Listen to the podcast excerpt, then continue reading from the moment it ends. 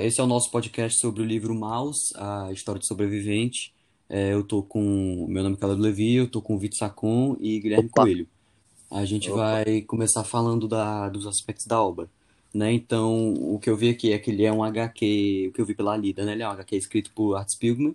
Ele retrata a vida de um polonês que sobreviveu ao Holocausto. Ele também mostra os judeus como ele faz essa relação dos judeus e dos alemães como é, ratos e gatos, né? Que nem, por exemplo, Tom e Jerry. Aí, Sim.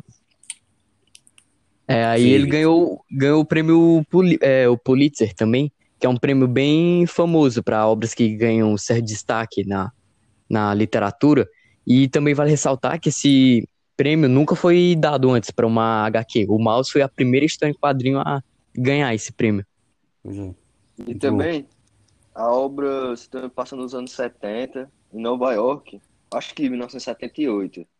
É, isso, acho que é o isso pai aí. do Sim, autor começa contando pra ele as experiências que ele teve na Alemanha nazista e tal, como se fosse tipo uma biografia mesmo. Pois é. É, Aí pois começa bem, bem legal. A É, a gente, história da- eu vou falar um pouco sobre É. os aspectos do autor, né? Que o Art Spiegelman, ele era ilustrador, cartunista e escritor de HQ. sim, ele era nascido na Suécia, e mas tem naturalidade estadunidense. E, Sim. E tem os personagens na obra que ele colocou como se fosse seu pai, Vladek e a Mãe Anjo, que são eles que começam contando pra ele a história, né? São todos É, que os são- personagens desse. HQ. Eles são personagens da dentro do- obra. do livro. Pois né? é.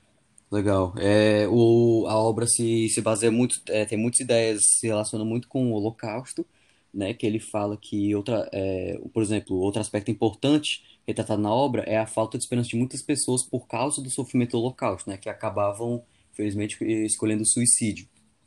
Sim, pois é, tem até uma, uma, um trecho do livro que também me chama bastante atenção, que é, retrata bastante esse, esse, é, isso que acontecia no Holocausto, que, por O exemplo, a suicídio, né? irmã da. Anja, sim, a, a Tocha, ela envenena a si mesmo e as crianças dela. E isso parece meio doentio, mas é, Macabro. na época, era uma, pois é, era uma, um jeito de acabar com o sofrimento de todos, para não Ninguém queria viver, né? Nessa, no campo, Pois é. nessa época de De se livrar disso. O que, que mais chamou tua atenção na obra aí, Coelho? O, tipo, pra mim, uma das coisas que mais chamou a atenção foi o final do livro, né, mano? Com o reencontro de Vladek e Anja. Foi um momento muito feliz e esperançoso, porque era algo muito raro, né? Um casal sobreviver É, era ao. Holocausto e ainda se reencontrar, mano, depois dos campos de concentração e tal. Legal. Outro, outro momento marcante é quando o Vladek ele afirma que ninguém arriscaria a vida ajudando eles por nada, né?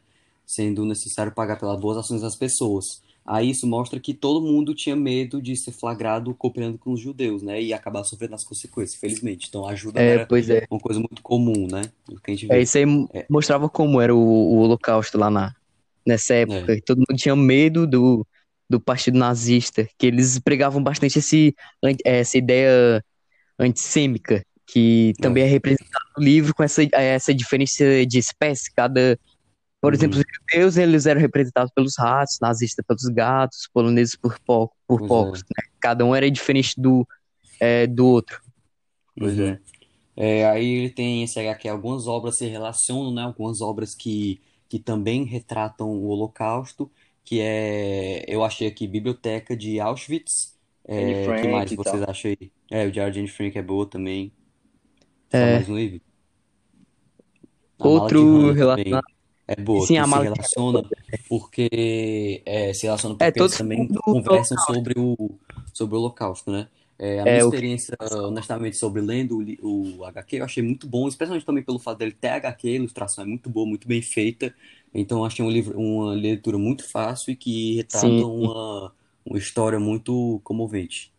É, pois é, ainda mais agora que a gente tá no ensino médio, né? Fazia tempo que não vinha É, é, livros com esse, esse tipo, né? HQ. Era sempre o só, último só, que eu li a- foi Ensino Fundamental, tipo, Turma da Mônica, É, só- assim, né?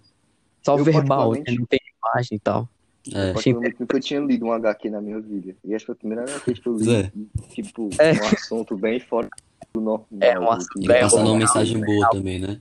Pois é. Legal, então, obrigado Sim, por escutar o podcast. Holocausto, né? Não é tão boa assim. É, então, é, pois é.